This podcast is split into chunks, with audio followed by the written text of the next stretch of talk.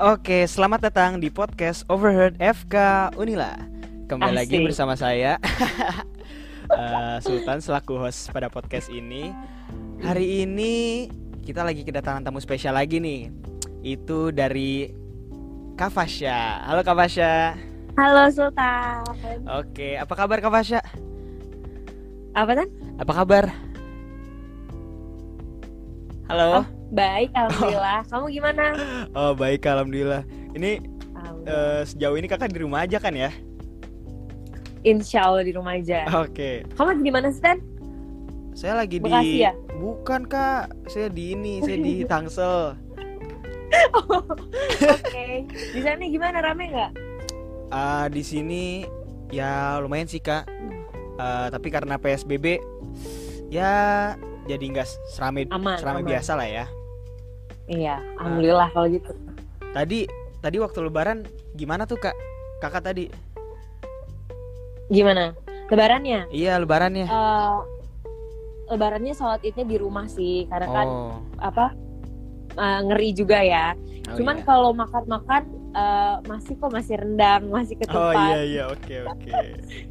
Iya. Eh, Oke, nih eh, teman-teman hari ini kita bakalan eh, membicarain topik tentang tips mendapat beasiswa. Nah, pasti teman-teman yang angkatan 2019 pada penasaran kan nih, kira-kira gimana sih caranya apply beasiswa dan nanti untuk eh, waktu udah sampai tahap berikutnya gimana caranya eh, wawancara yang baik gitu. Kira-kira Oke. begitu ya kak ya? Iya, siap. Eh, sebelumnya nih Kak Fasya nih eh, waktu itu keterima beasiswa apa sih kak?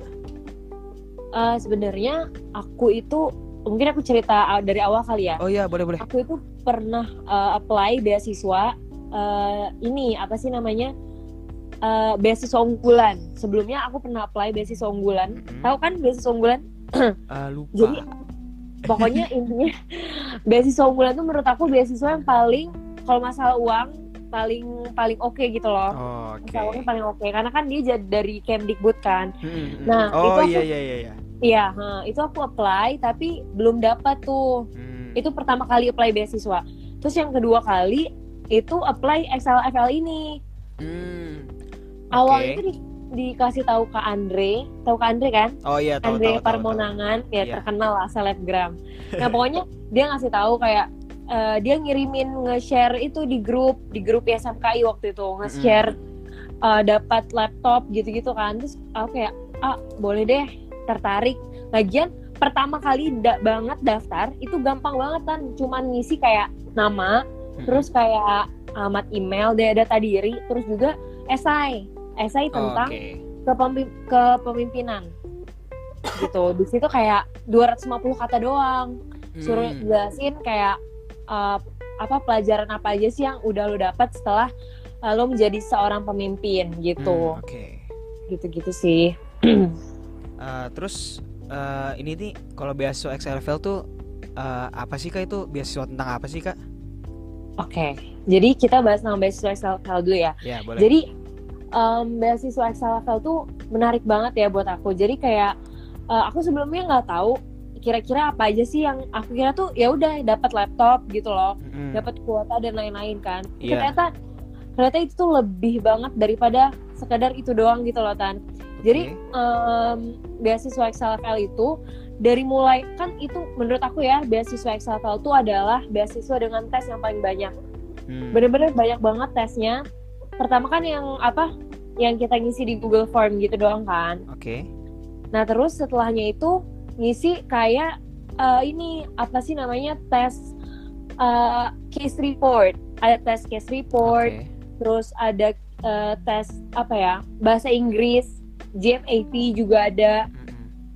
GMAT itu kayak misalnya gini, kamu di perusahaan, kayak tentang perusahaan gitu, semacam apa ya, semacam SBMPTN, Oh iya iya. iya. cuman yang biasa dipakai eh, di luar negeri kayak gitu, Oke, mirip oke. lah mirip SBMPTN. Ngerti ngerti. Heeh. Terus juga ada eh, FGD. Habis itu ada esai, bukan sih, kayak pertanyaan singkat gitu. Dan yang terakhir baru wawancara. Habis itu eh, masuk setelah di SLFL, kita dapat sebulan sekali aku ke Jakarta kebetulan dapatnya di Excel Tower karena kan banyak ya kelasnya Excel di seluruh Indonesia. Oh, Aku iya. kebetulan dapatnya yang di pusat. Di situ kayak kita belajar uh, thinking tools. Ngerti nggak sih? Ternyata tuh berpikir tuh ada cara berpikirnya juga loh gitu. Oh iya iya. Terus eh, itu kakak itu apply-nya dari waktu semester berapa sih kak? Aku apply-nya waktu semester 2, tapi baru dapatnya semester 3 kayaknya. Oh, Soalnya kan prosesnya panjang. ah. Iya, prosesnya panjang. Dari daftar aja tuh uh, dari Februari sampai Maret gitu deh kalau nggak salah. Kalau nggak Maret tuh Mei gitu. Terus setelah itu ada seleksi lagi, baru dapatnya itu semester 3 November, bulan November, ingat aku. oh oke oke. Iya. Terus gitu. eh, kakak ini kan tadi kakak bilang kakak ke Jakarta kan ya? Hah. Itu ke Jakarta dibiayain sama Excel-nya atau gimana tuh kak? Uh, iya, uh, untuk kalau misalnya kita ke Jakarta itu benar-benar fully funded. Hmm, Kita da- um, kita dapat dapat uang, dapat uang jajan, wow. kita dapat apa lagi ya kita dapat ongkos terus juga kita dapat hotel gitu sih Oke. Dan juga apa ya yang bikin menarik tuh kayak kan kan kan kita kan FK gitu kan maksudnya iya.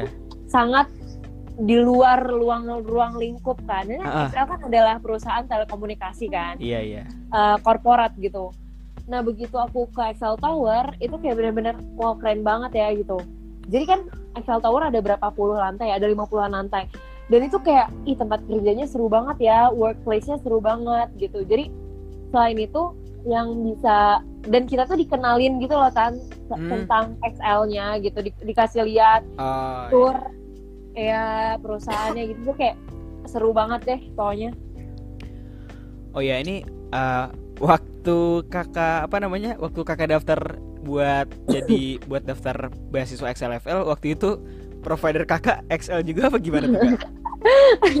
Enggak sih, kebetulan Oh. providernya enggak XL, Telkomsel deh kayaknya. Oh, Tapi tapi setelah daftar XL, itu kan dapatnya banyak banget. mm-mm. Pertama kita dapat tablet, Iya. kedua kita dapat HP, terus kita dapat nomor prior- Excel prioritas. Jadi kayak aduh yang di iklan-iklan itu deh yang dipakai Raisa sama Oh iya eh, iya. Amis iya, hitam itu deh. iya, iya, Nah, iya. di Excel prioritas itu kita dapat kuota tiap bulan 50 giga, dapat Wow. 50 giga, sama dapat pulsa 200 ribu per bulannya. Oke. Jadi Berarti kan udah pindah berarti- dong ya? iya, Oke oke oke. ya sayang kan Tan kalau kita Ah. nggak pakai gitu. Jadi ya udah ganti langsung. Oh. Oke. Eh, Iya. Terus eh, kira-kira eh, gimana nih kak perjalanan kakak waktu jadi waktu inilah waktu sebelum pandemi kayak gini, wak, eh, perjalanan kakak selama di XLF tuh kayak gimana tuh kak? Kan Oke. per bulan ke Jakarta tuh kan pasti ya kan FK lah ya kak apa namanya ada tugas atau apa takutnya ada yang eh, ada hambatannya gitu itu perjalanan kakak gimana tuh kak? Wah, itu itu salah satu itu sebenarnya Excelnya adalah salah satu yang buat aku belajar banyak. Hmm. Karena ya Tan, dari 8 kali workshop ke dari 8 kali workshop ke Jakarta, Mm-mm. itu tuh bener-bener hari Seninnya itu UAB, bener-bener hari Senin UAB.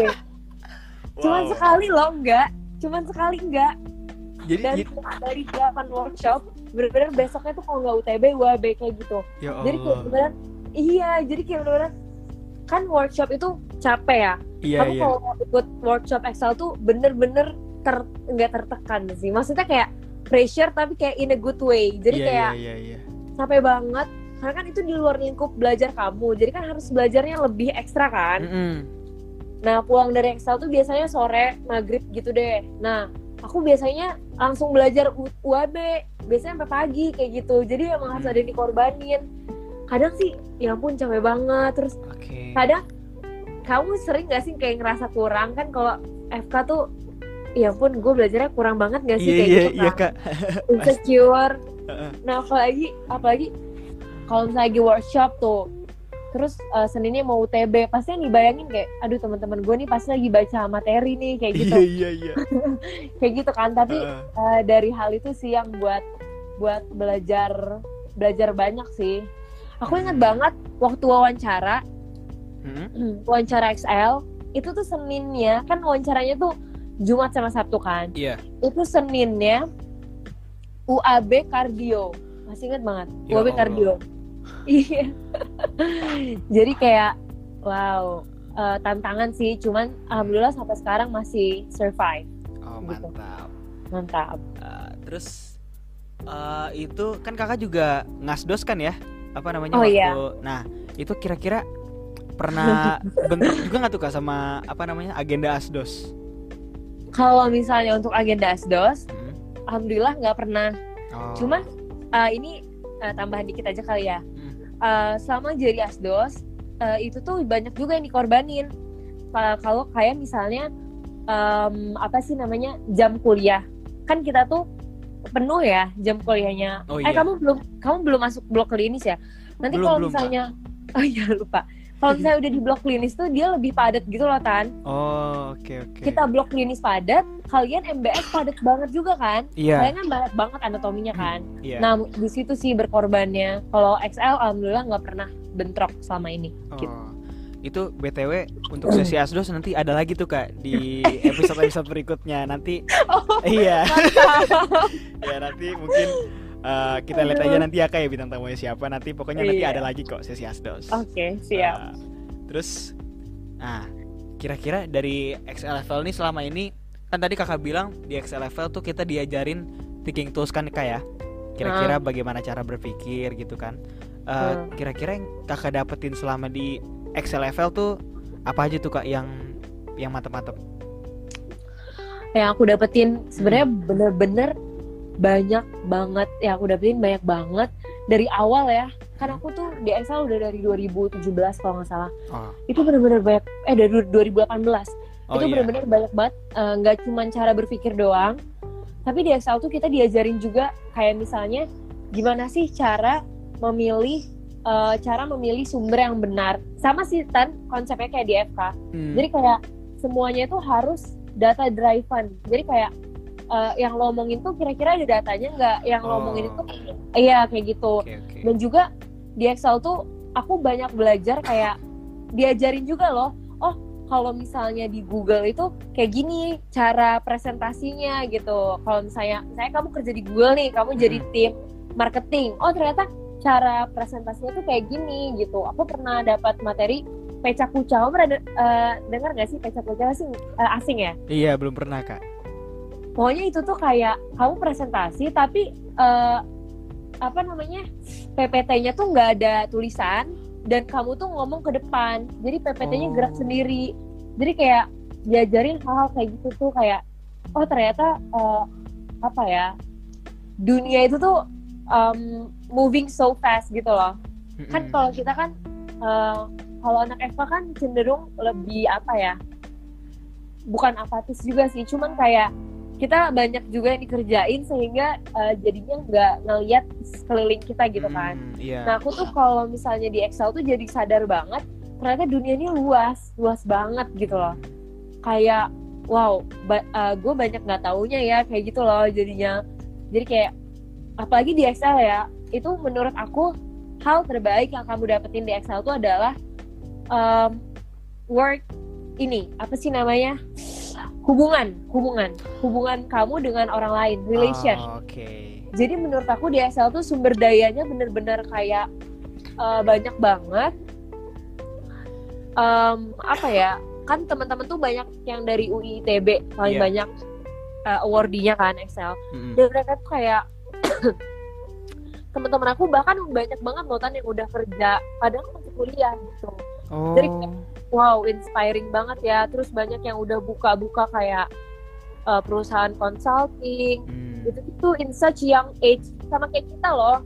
Kayak mereka kuliah juga mereka mereka organisasi. Tapi kok bisa sih kayak gitu? Kadang lebih mikir ke situ sih. Oh berarti kayak keren-keren banget ya kayak gitu. Bahkan udah ada yang punya penghasilan. Temenku udah punya penghasilan kayak eh, belasan juta per Wow. bulan. Padahal masih kuliah. Iya makanya kayak wow keren banget Oke. kan Iya, jadi di situ menurut aku yang yang penting tuh relation. Jadi kita tahu, oh, oh kayak gitu ya caranya gitu loh. Jadi kayak em, menurut aku kayak pintu peluangnya itu lebih terbuka gitu. Jadi kayak Oke. kamu tuh lebih ngelihat em, with uh, apa ya larger view gitu loh kan jadi Mm-mm. kayak matanya lebih lebar gitu. Oke, terus kalau di apa namanya? Kalau di XL level itu di kalau yang di Jakarta ya kayak kalau yang di pusat tuh kira-kira yang populasi anak FK-nya banyak gak sih, Kak?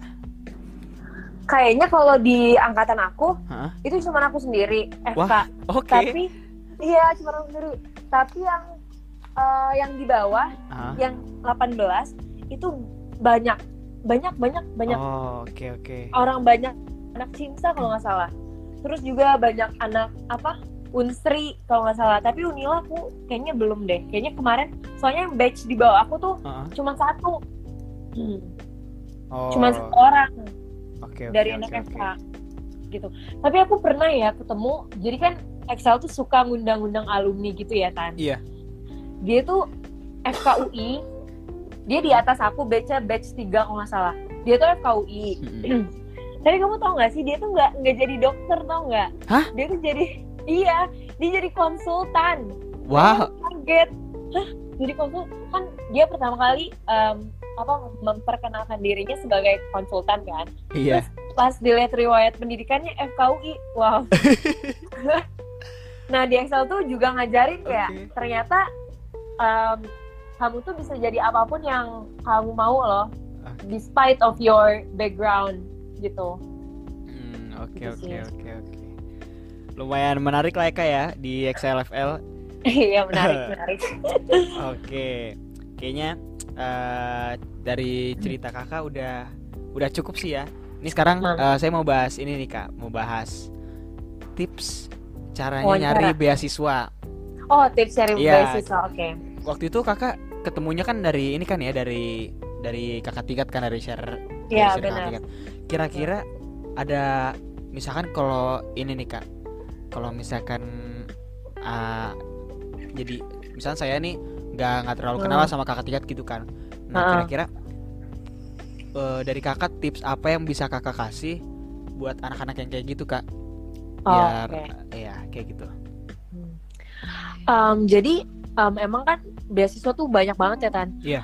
Beasiswa benar-benar luas eh, dan menurut aku setiap beasiswa itu kadang eh, cocok-cocokan sama orangnya, ngerti gak sih? Hmm, Kayak iya, misalnya em, aku beasiswa XL, terus ada temen aku best one, ada temen aku lagi misalnya unggulan kan semua yang di provide provide dari tiga beasiswa ini beda gitu kan. Mm-mm. Jadi mungkin bisa cari, bisa follow pemburu beasiswa. Aku juga masih follow kok sama sekarang Oh. pemburu beasiswa di Instagram itu dia lengkap banget sih. Aku suka dapat info-info dari situ.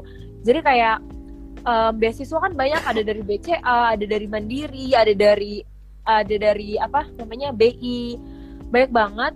Eh, jadinya kalau misalnya kalian merasa kayak Ih, kayaknya aku nggak suka deh leadership leadership dan pergi-pergi kayak gitu. Aku orangnya bukan yang kayak gitu gitu misalnya kan bisa banyak banget beasiswa yang nggak kayak nggak kayak XL loh nggak nggak leadership gitu provide-nya Hmm. ada yang provide-nya juga uang aku juga ada ikut PPA kamu tahu beasiswa PPA nggak PPA tuh yang di Unila ya Kak ya? iya yang di Unila aku juga Oke. ikut itu Eh, nah jadi kayak kalian tuh bener-bener masih muda maksudnya masih angkatan apa 19 kan Mm-mm. jadi kayak apa ya gerbang beasiswa itu terbukanya sangat banyak gitu loh jadi kayak Oke.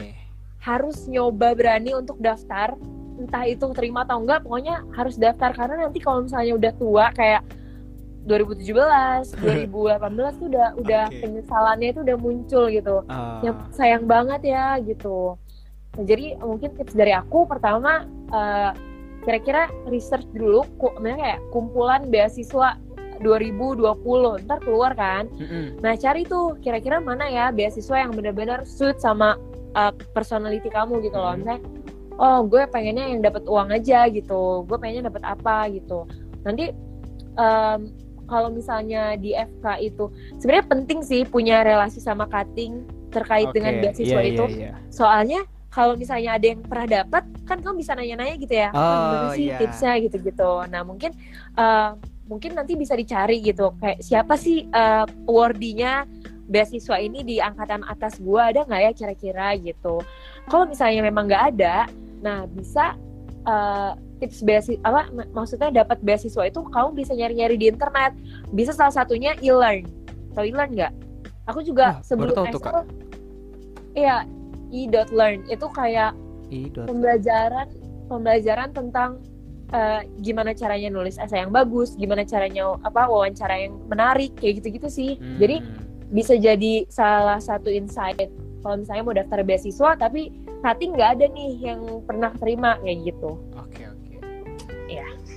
Em, berarti eh, tips yang pertama dari Kak Fasya itu follow ini ya kak ya, follow pemburu mahasiswa ya. Eh pemburu mahasiswa, pemburu beasiswa. iya Nah, betul tadi barusan saya juga baru follow nih kak, baru banget. Iya, Oke, berarti teman-teman jangan lupa jangan lupa follow at p pemburu eh, beasiswa Iya, pemburu beasiswa. Oke. harus daftar ya 19 sumpah Oke. sayang banget kalau nggak daftar beasiswa harus Siap. ngabisin uang negara oke Oke oke siap siap siap. siap.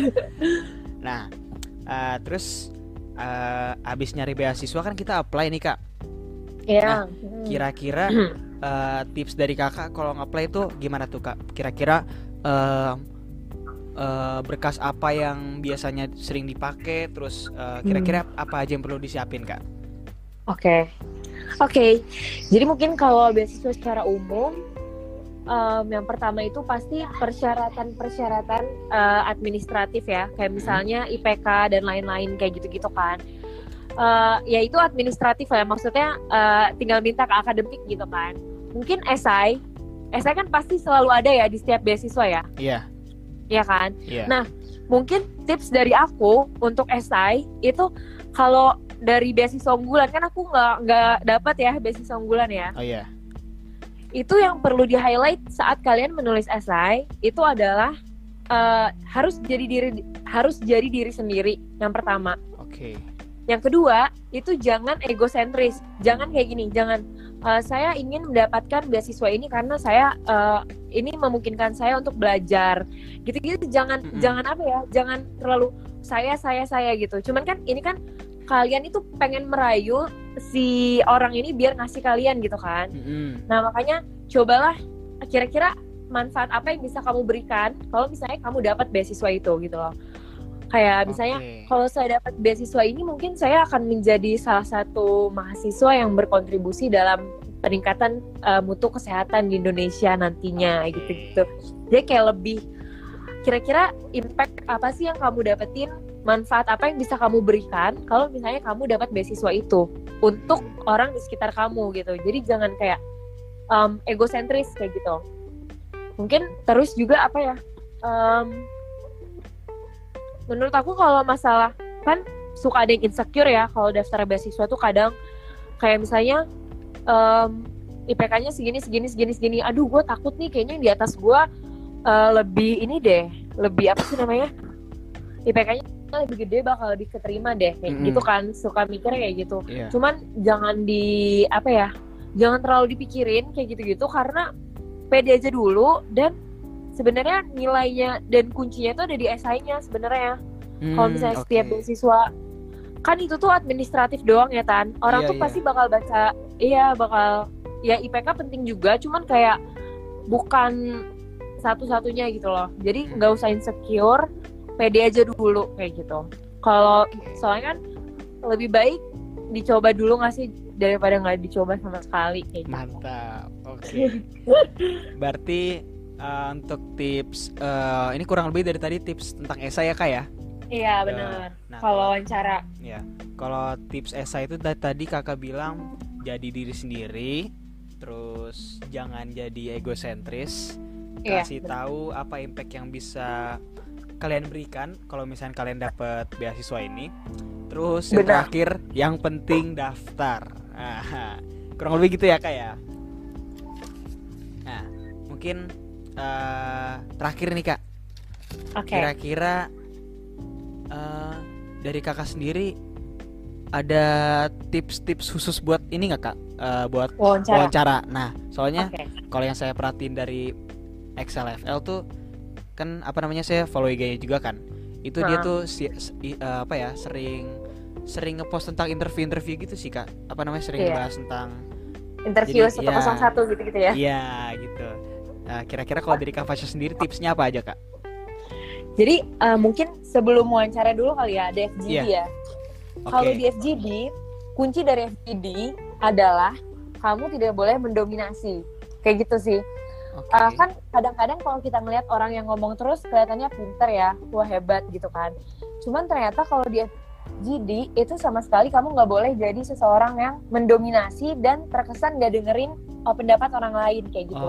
Oke. Jadi di FGD itu nggak boleh terlalu apa ya, terlalu dominan, tapi juga nggak boleh terlalu nggak ngomong sama sekali gitu loh. Hmm. Jadi kalau di FGD itu harus jadi yang tengah kayak kamu harus berani mengungkapkan pendapat kamu dan kamu harus dengerin uh, dan tanggapi pendapat orang lain. Tanggapi itu bisa kayak oh iya gue setuju sih kayaknya sama pendapat lo atau bisa kayak oh kayaknya gue kurang setuju deh. Gimana kalau misalnya nggak kayak gini aja gitu loh. Jadi kayak lebih diskusi gitu loh Tan. Mm-mm. Bukan kamu mengajari gitu. Kan Oh, beda ya. Iya iya iya. Iya, jadi kalau di FGD tuh biasanya seseorang yang terlalu dominan dan menggebu-gebu tuh biasanya udah kayak ah dicoret nih gitu kan biasanya kalau FGD ada ada mentornya yang dampingin kan Oh iya iya.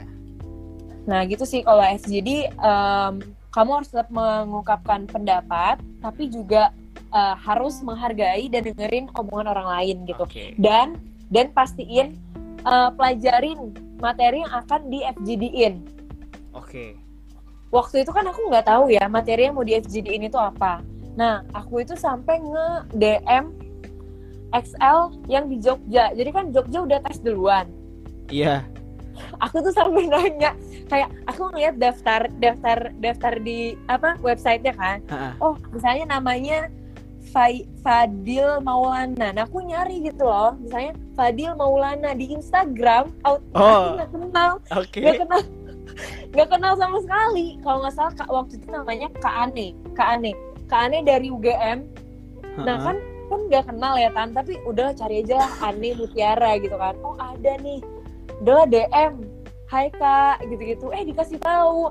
Oh iya jadi materi FGD-nya itu bakalan ini. Nah jadi sebelum FGD biar nggak kosong banget kan Ha-ha. jadi pelajarin dulu apa aja Oke. sih kira-kira gitu. Nah terus kalau di Excel tuh setelah FGD tuh ada pertanyaan, ada ada pertanyaan, ada bukan wawancara. Jadi jadi kamu tuh kayak ngambil kertas gitu loh kan, Mm-mm. ngambil kertas itu isinya ada pertanyaan. Oke. Kamu mikir satu menit mau jawabnya, terus nanti masuk ke dalam ngomong dua menit. Oke. Kalau oke. nggak salah aku dapat pertanyaannya, oh ini, um, if you could take someone to the dinner, who would it be and why? Ini kayak kalau lu bisa ngajak orang buat makan malam, kira-kira siapa dan kenapa? Oke. Gitu.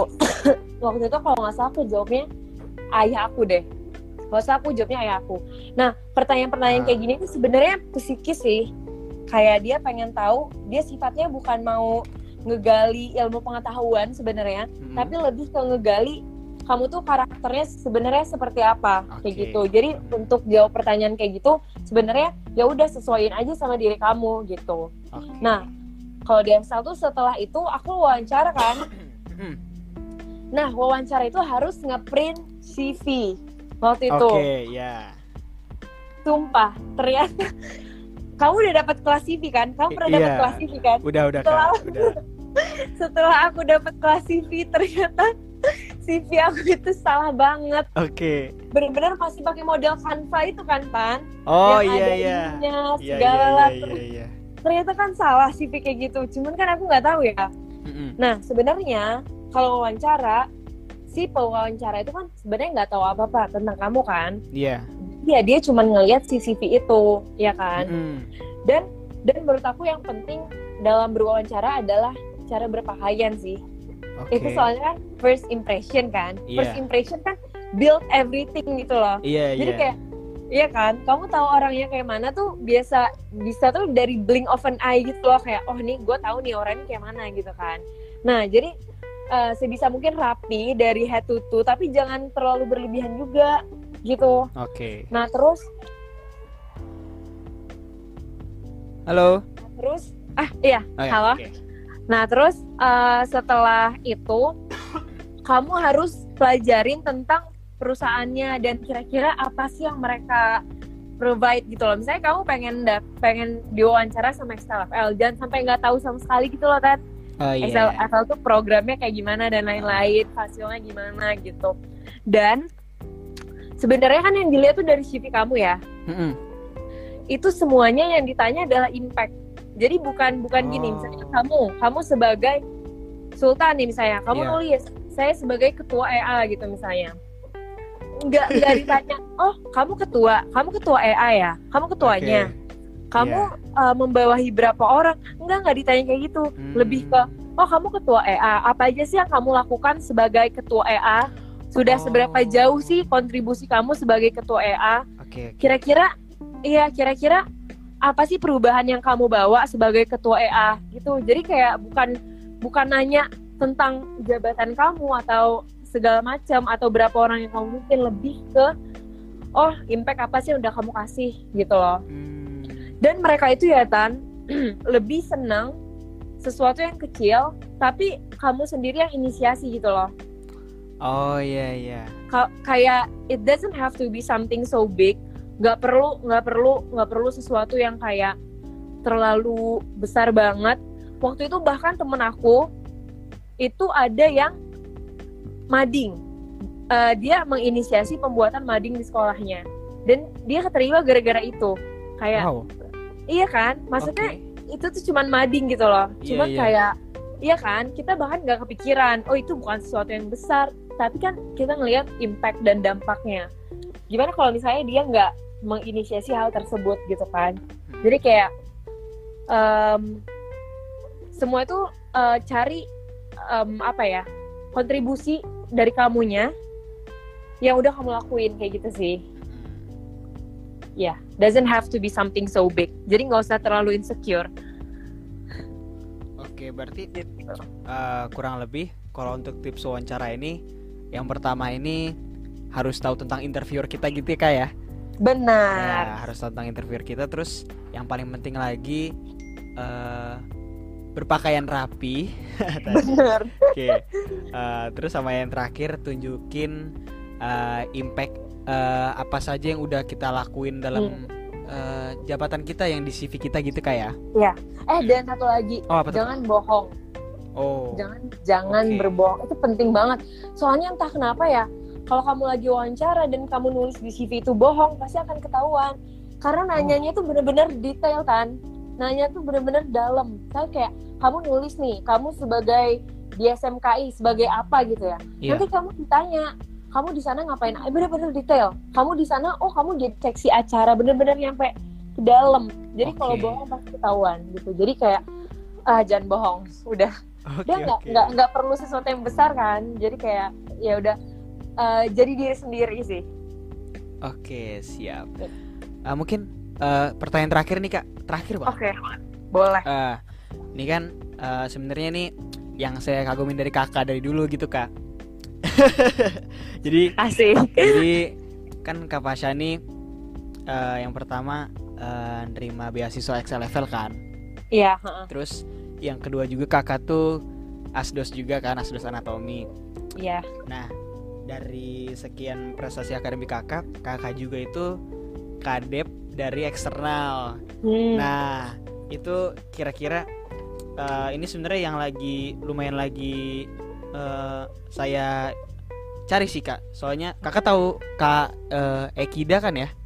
oh tahu tahu Iya. tahu tahu Eh, kak Ekida kan apa namanya mahasiswa FKUI. Heeh. Nah itu kalau yang saya lihat juga dari Instagramnya kayak Kida, dia ini kayaknya eh kalau orang yang paling balance kayaknya di hidup eh, di hidup yang yang saya lihat ya, ini orang paling balance yang pernah saya lihat gitu.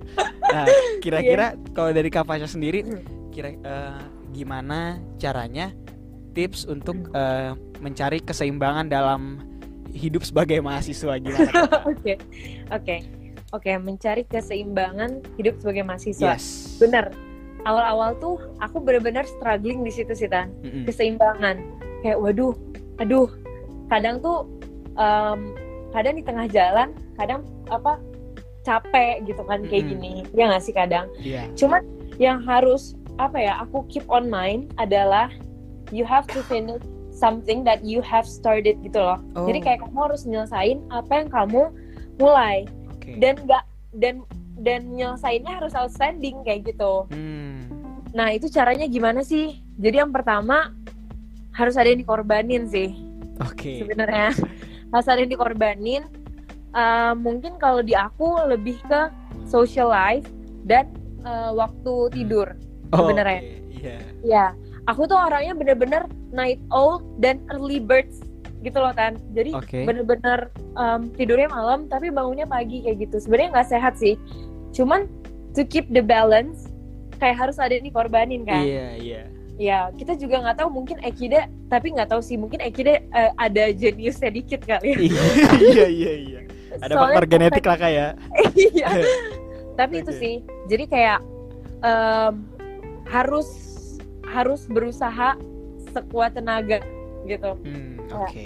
Gue udah mulai, gue harus bisa nih bertanggung jawab gimana nyelesain ini dengan eh, baik gitu. Maksudnya kan kamu sebagai mahasiswa pasti tujuan utama kamu kuliah kan, Iya, Iya kan? iya. To get eh, great score pasti gitu kan. Yes. Ya udah, eh, kamu harus nyelesain tugas itu itu kan tugas utama kamu gitu. Hmm, Tapi jangan juga ninggalin yang lain-lain kayak gitu sih.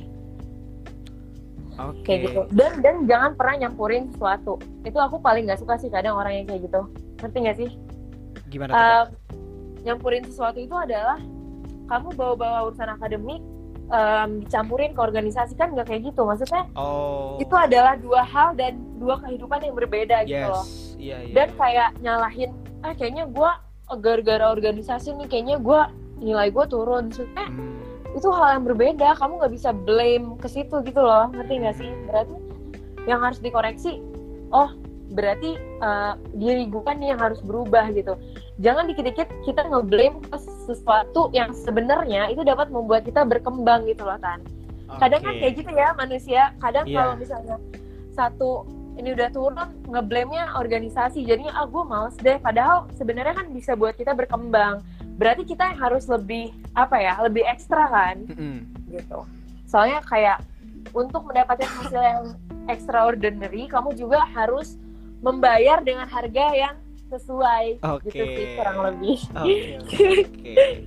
iya Makasih ya kak ya. Mungkin kayaknya Siap. kurang lebih itu aja untuk Iya, sesi hari ini. Iya, iya makasih banget Sultan mungkin teman-teman kalau belum follow Kak Fasya bisa di follow ya di @fayazahra, R-nya dua. Oke. Bener kan kak ya?